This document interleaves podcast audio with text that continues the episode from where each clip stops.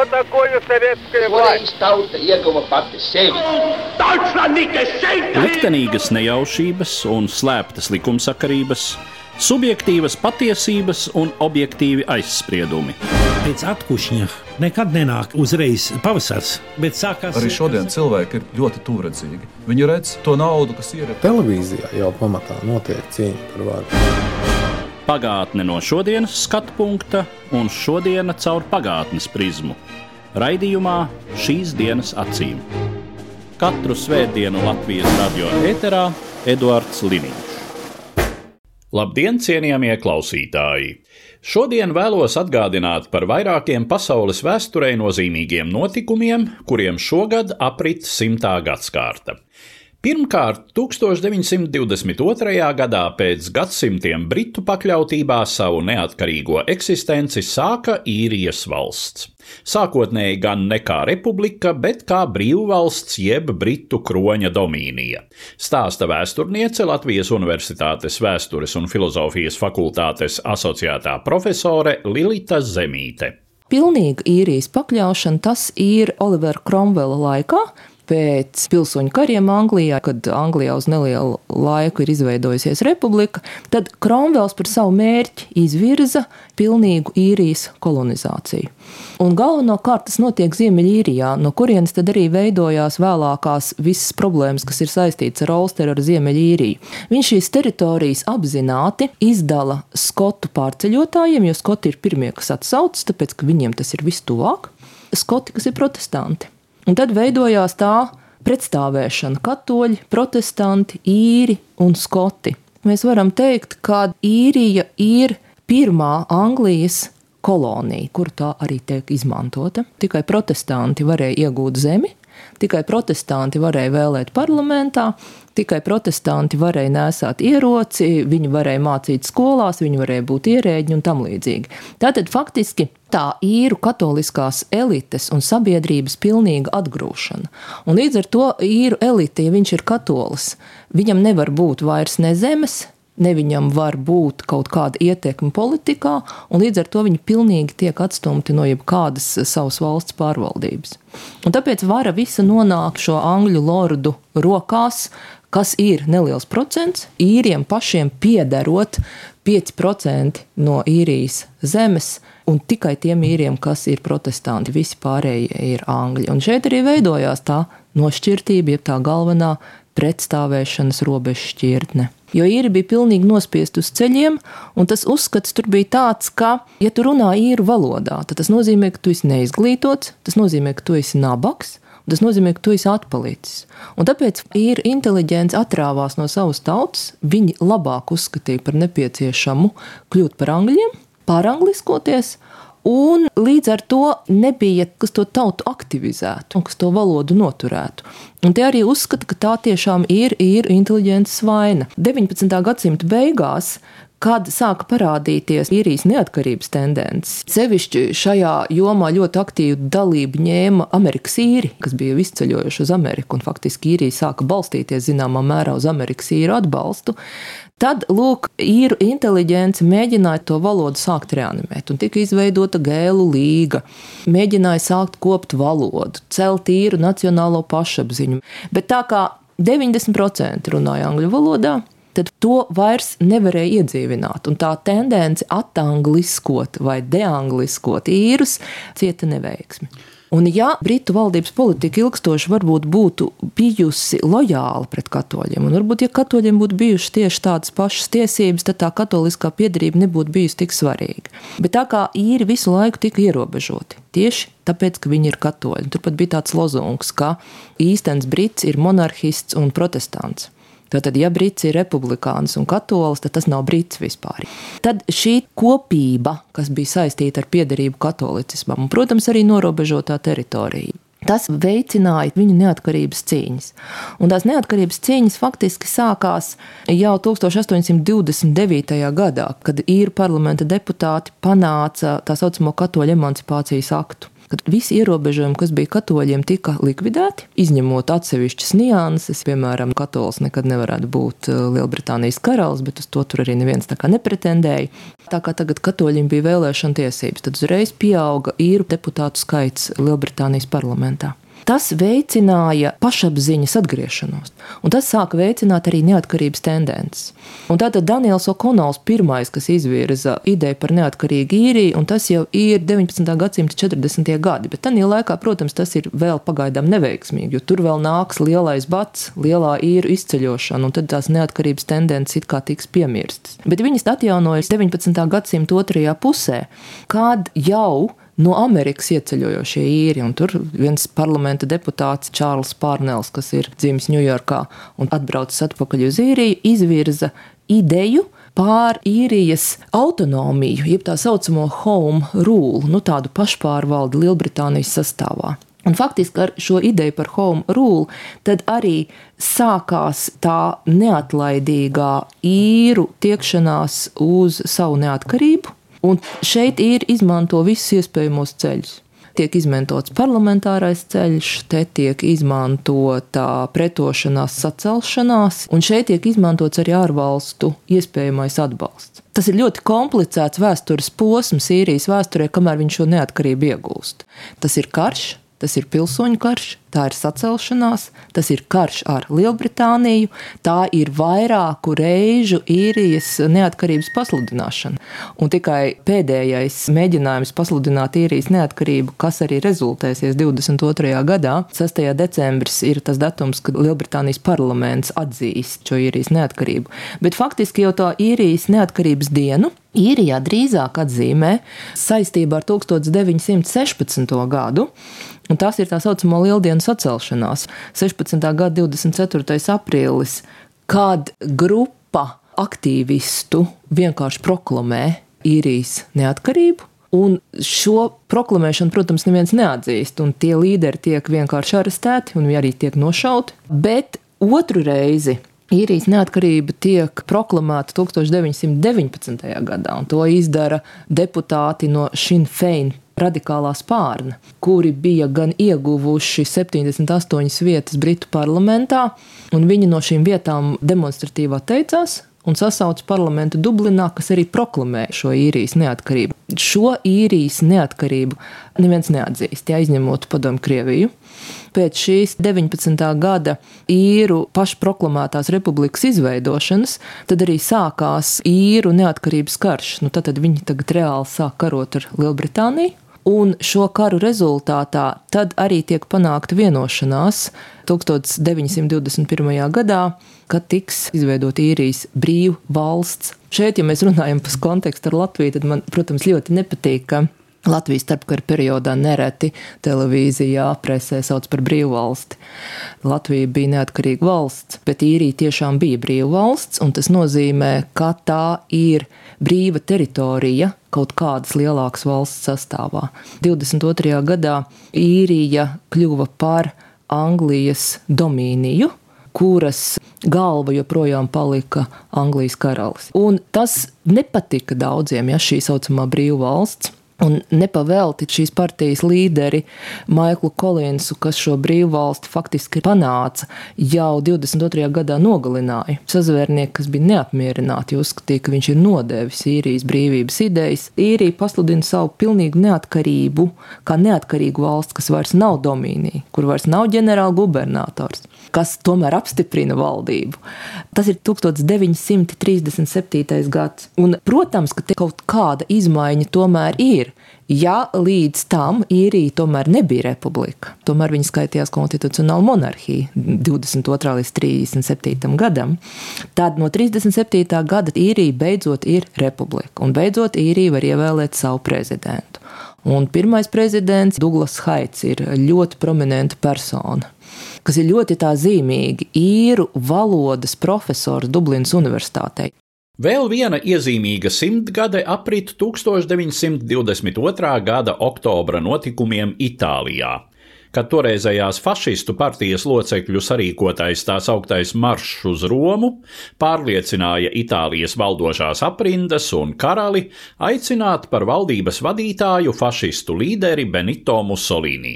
Tas bija sākums fašistiskā režīma tapšanai Itālijā, kas noslēdzās ar Itālijas iesaistīšanos un sakāvi Otrajā pasaules karā. Stāsta vēsturnieks, Latvijas Universitātes profesors un Latvijas Zinātņu akadēmijas īstenais loceklis Inesis Feldmanis. Pēc Pirmā pasaules kara ekonomiskā situācija tomēr nav īpaši spīdoša šajā laikā, jo kara laikā tomēr ir cietuši daudzi slāņi, tīpaši vidējie slāņi. Itālijā šajā laikā sabiedrībā valda ļoti liela neapmierinātība ar to, ka Itālija ir it kā uzvarētāja valsts, taču Parīzes miera konferencē viņa nekā nav ieguvusi no šīs uzvaras, jeb nav ieguvusi tik daudz, eh, cik Itāļu sabiedrība cerēja. 1915. gadā Itālija pārmetās Antānas pusē, un šī pārmešanās Antānas pusē tika pamatota, jeb tika garantēta ar noteiktu līgumu. Proti, tas tā saucamais Londonas līgums, kas tika noslēgts 1915. gada 26.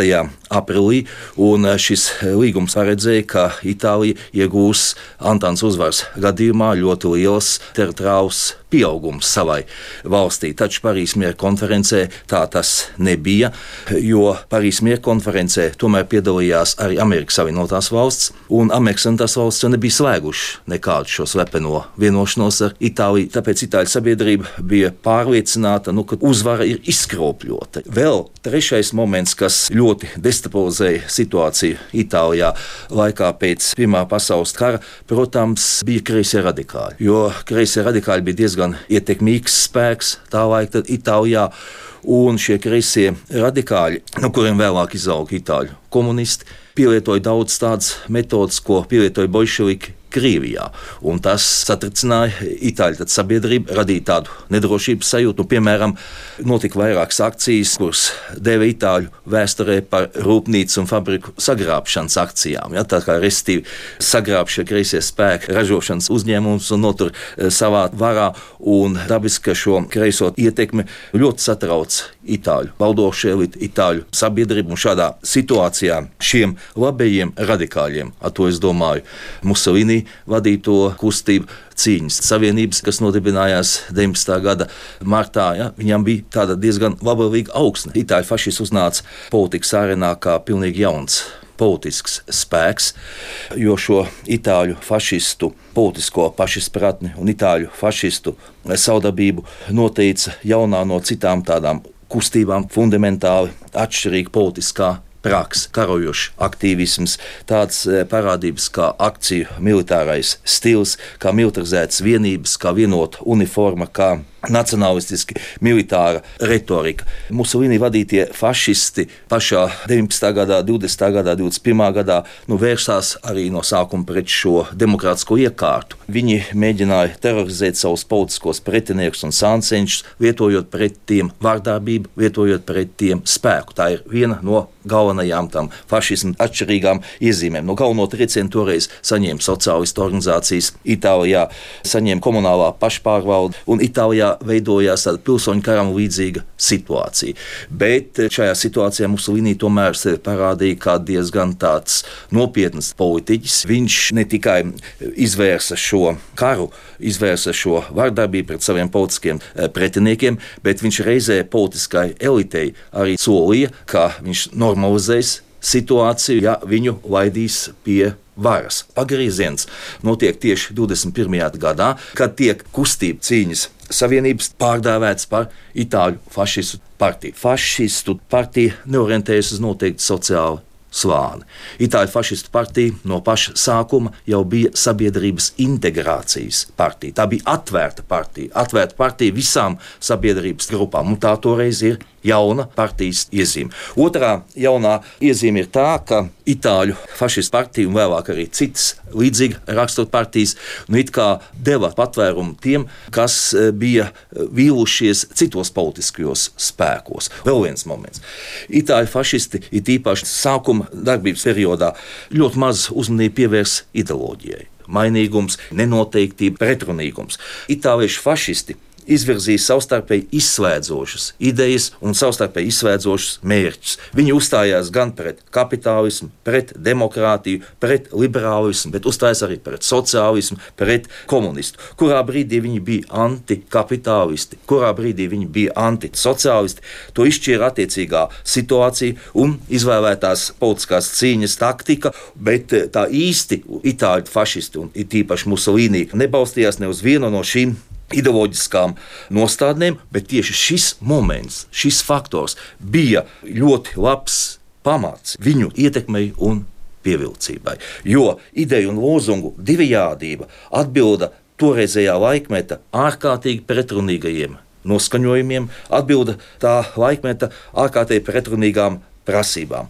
Vēsturnieki jau bieži ir strīdējušies, par ko šajā gadījumā ir runa par politiskās valdīšanas formas izmaiņu, par vienošanos valdošai elitei, ka jāmaina šī valdīšanas forma. Jeb eh, tomēr galvenais moments šeit, ja mēs runājam par Musolīni nākšanu pie varas, ir šī revolūcija, šis revolucionārais moments. Restīvi, kā vērtēt gājienu uz Romu? Vai šis gājiens uz Romu ir jāvērtē kā tāda reāla, ietekmīga sabiedriska parādība, kas eh, nodrošināja Musolīni nākšanu pie varas, nodrošināja Itālijā šo politiskās valdīšanas formas maiņu, jeb eh, tomēr šis gājiens uz Romu ir tāds nenozīmīgs pasākums, nu, kas vēlāk tika tā mitoloģizēts ja, un ieguva tādu mīta raksturu.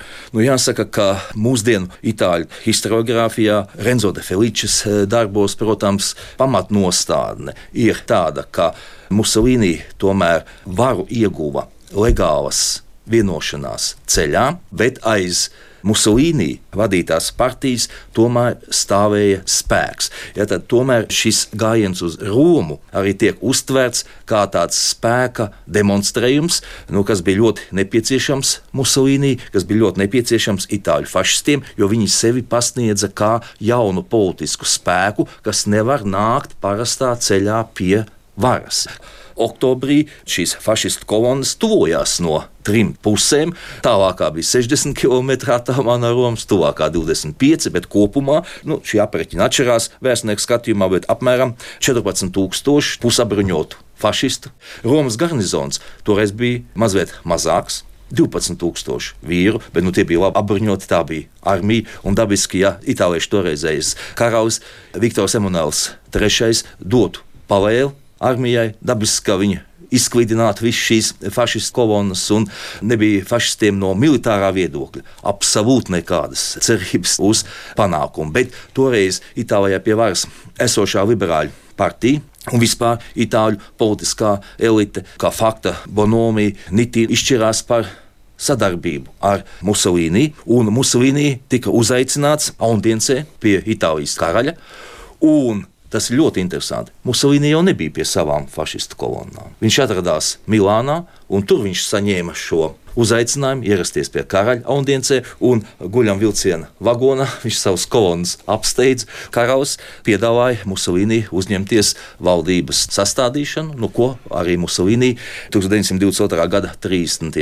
oktobrī pieņēma un arī izveidoja savu pirmo šo koalīcijas valdību, kas nebūtu nebija fašistiska valdība. Tajā tikai bija četri fašistu ministri no 14. Vajadzēja paiet vēl ļoti ilgam laikam, kamēr Itālijā iedibinājās šī politiskās valdīšanas forma. Viena vēsturnieka uzskata, ka Musolīni fašiskais režīms pamatā iedibinājās līdz 1926. gadam, citi uzskata, ka tikai 1929. Šo diktatūras tipu izdeva mūsdienu vēsturnieki kā tādu īpašu diktatūras tipu Eiropā 20. un 30. gados, jo fašiskā Itālija nav vienas partijas valsts.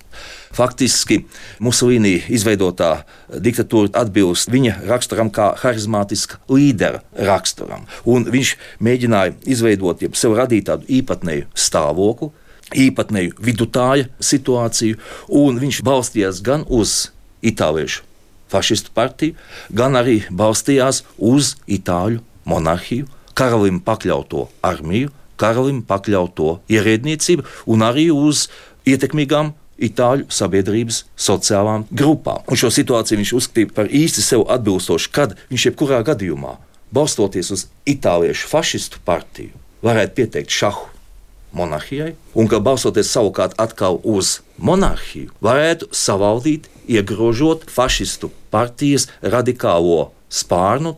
Itāļu fašismam nekad nepiemīt antisemītisms. Jā, faktiski nav antisemītisms. Tādā varbūt pašā beigās, Naciskās Vācijas iespējā mēs varam runāt par kaut kādām antisemītismu iezīmēm Itālijā. Musolīnija totalitārisms ir daudz, daudz zemākā pakāpē nekā tas ir Naciskā Vācijā, nekā tas ir Padomju Savienībā. Itāļu sabiedrība principā Musolīnija valdīšanas gados tikpat kā nemainījās. Trešais iezīmīgais datums, kuram vēlos pieskarties, ir 1922. gada 30. decembris, kad ar attiecīga līguma parakstīšanu agrākās Krievijas impērijas teritorijā tika nodibināta jauna valsts Padomju Socialistisko Republiku Savienība. Šo datumu uzskata par Krievijas pilsoņu kara beigām, tam noslēdzoties ar radikāli kreiso bolševiku uzvaru.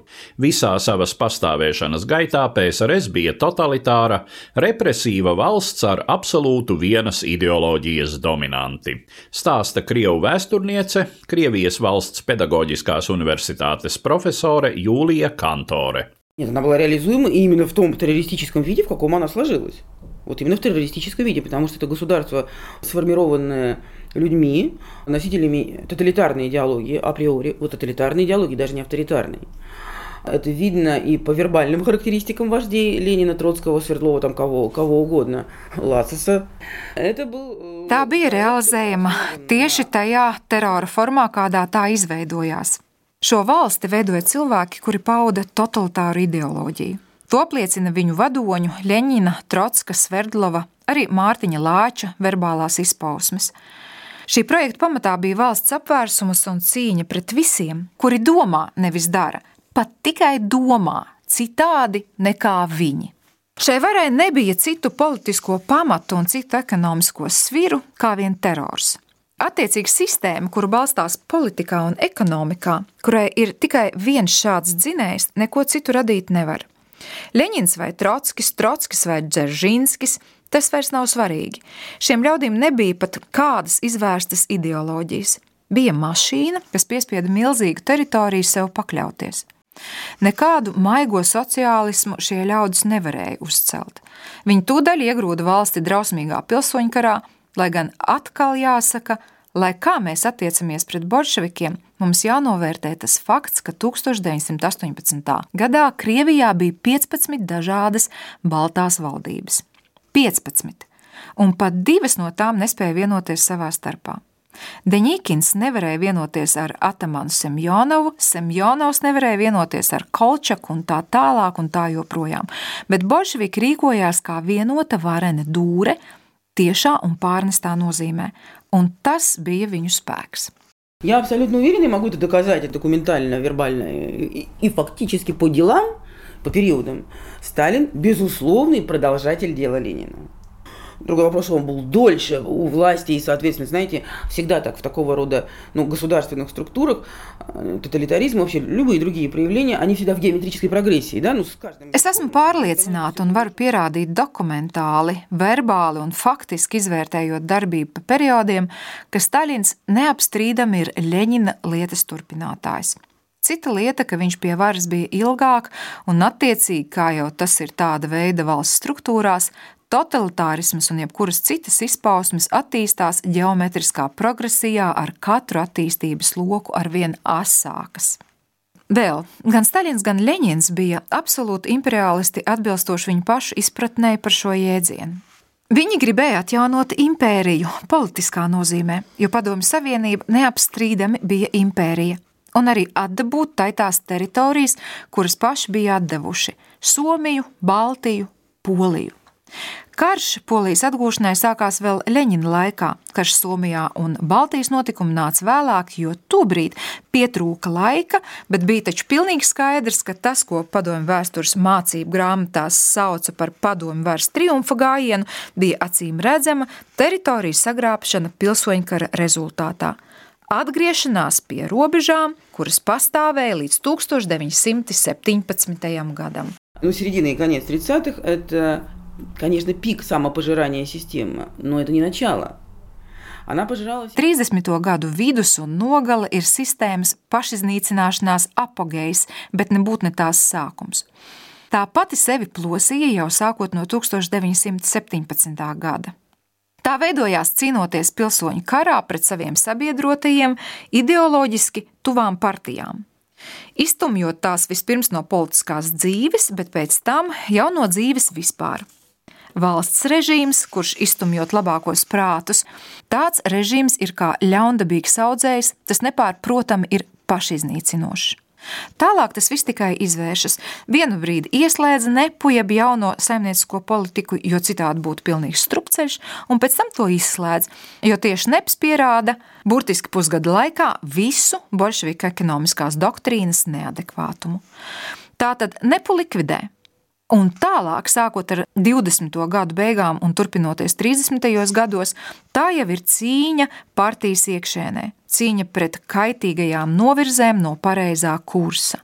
Un tad nāk 1937. gads. Svarīgs gads arī tādēļ, ka tā ir padomju varas 20. gada diena. Un padomju politiskā spice to definē kā naidīgo draņķu izravēšanas gadu. Tā ka sistēma iznīcināja pati sevi. Tā faktiski izskāva pati savu armiju, te es domāju, pirmām kārtām lietu par militāru fašistisko sazvērstību strādnieku un zemnieku sarkanajā armijā. Un runa nav pat par statistiski fantastisko upuru skaitu. Tā lieta jau nebeidzas ne 37., ne 38. vai 39. gadā. Tās astes vilkās vēl nākamajos gados. Pie tam 1939. gadā Padomju Savienība paraksta paktu ar nacistisko Vāciju, bet cilvēku turpina sēdināt cietumā par piedalīšanos militāru fašistiskajā sazvērstībā. Bija, protams, pilnīgi satriecošā un glābjošā uzvara 1945. gadā. Tobrīd milzīgs skaits brīvprātīgo devās uz fronti, un es pati esmu caurskatījusi daudzus personiski rakstura dokumentus, kuri liecina, ka cilvēki gāja cīnīties ne jau par padomju valsti, bet par savu tēviju. Un pats Staļins tolaik pasaka vienu ļoti pareizu frāzi: Mums nav nekādu ilūziju, ka šie ļaudis karo par mums. Viņi karo par māmuļu Krieviju. Шелковые варианты постсталинского времени связаны с двумя обстоятельствами. Во-первых, совершенно было понятно Хрущеву, за что ему, кстати, спасибо, что дальше уже не удержишься так. Уже начинаются осколки, полное разложение, и, конечно, история с 20-м съездом – это во многом стремление набрать populārность среди... Poststalinisma perioda samtainie varianti ir saistīti ar diviem apstākļiem. Pirmkārt, Hruščovam bija pilnīgi skaidrs, ka tālāk tā vairs noturēties nesanāks. Jau sākas lauskas, pilnīgs sairums. Viss partijas 20. kongresa stāsts tie ir centieni iegūt popularitāti visdažādāko ļaužu vidū. Tāpēc ir šis brīvības malks, 60. gadu kustība. Par šo tēmu ir tāda anekdote, kur man šķiet gandrīz no dzīves. Kādā no partijas instancēm, teiksim, Ļeņingradā, notiek Hruščova 20. kongresa referāta apspriešana. Kā zināms, sākotnēji tas bija paredzēts izplatīšanai un apspriešanai tikai partijas instancēs. Attiecīgais referents uzstājas, un te no zāles atskan uzsauciens: Nu, ko jūs mums te stāstāt? Kur jūs pats tajā laikā bijāt? Un te nu, referents, tas varētu būt pilsētas partijas komitejas pirmais sekretārs, skatās zālē un jautā: Kurš to teica? Klusums. Kurš to teica? Piecelieties, lūdzu. Klusums. Un tad, nu, referents saka: Lūk, tur mēs visi arī bijām. Pie tam man ir viena pilnīgi noteikta piebilde. Es neuzskatu, ka pie visa, kas notika pēc 1917. gada, vainojama ir tikai nosacīta sakot Maskava. Šajā totalitārajā stāstā totalitārās valsts stiprināšanā piedalījās, diemžēl, visas elites, tā skaitā Baltijas elites. Viss ir skaidrs, kas notika 1940. gadā, ka nebija nekādas brīvprātīgās iestāšanās, ka viss tika falsificēts. Tas viss ir skaidrs. Bet tālāk, tais pašos samtainajos laikos, kā visiem gribējās tikt uz Maskavu, kā izkalpojās režīmam, kā audzināja paši savas padomju elites. Tas pats, protams, ir sakāms par Grūziju, Ukrainu, vēl jau vairāk Baltkrieviju. Līdz ar to mūsu šodienas raidījums izskan. Dzirdējāt vēsturniekus Latvijas Universitātes profesoru un Latvijas Zinātņu akadēmijas īsteno locekli Inesi Feldmani, Krievijas valsts pedagoģiskās universitātes profesori Jūliju Kantori un Latvijas Universitātes vēstures un filozofijas fakultātes asociēto profesori Lilitu Zemīti. Uz redzēšanos cienījamie klausītāji! Katru svētdienu Latvijas radio viens par pagātni sarunājas Eduards Līniju.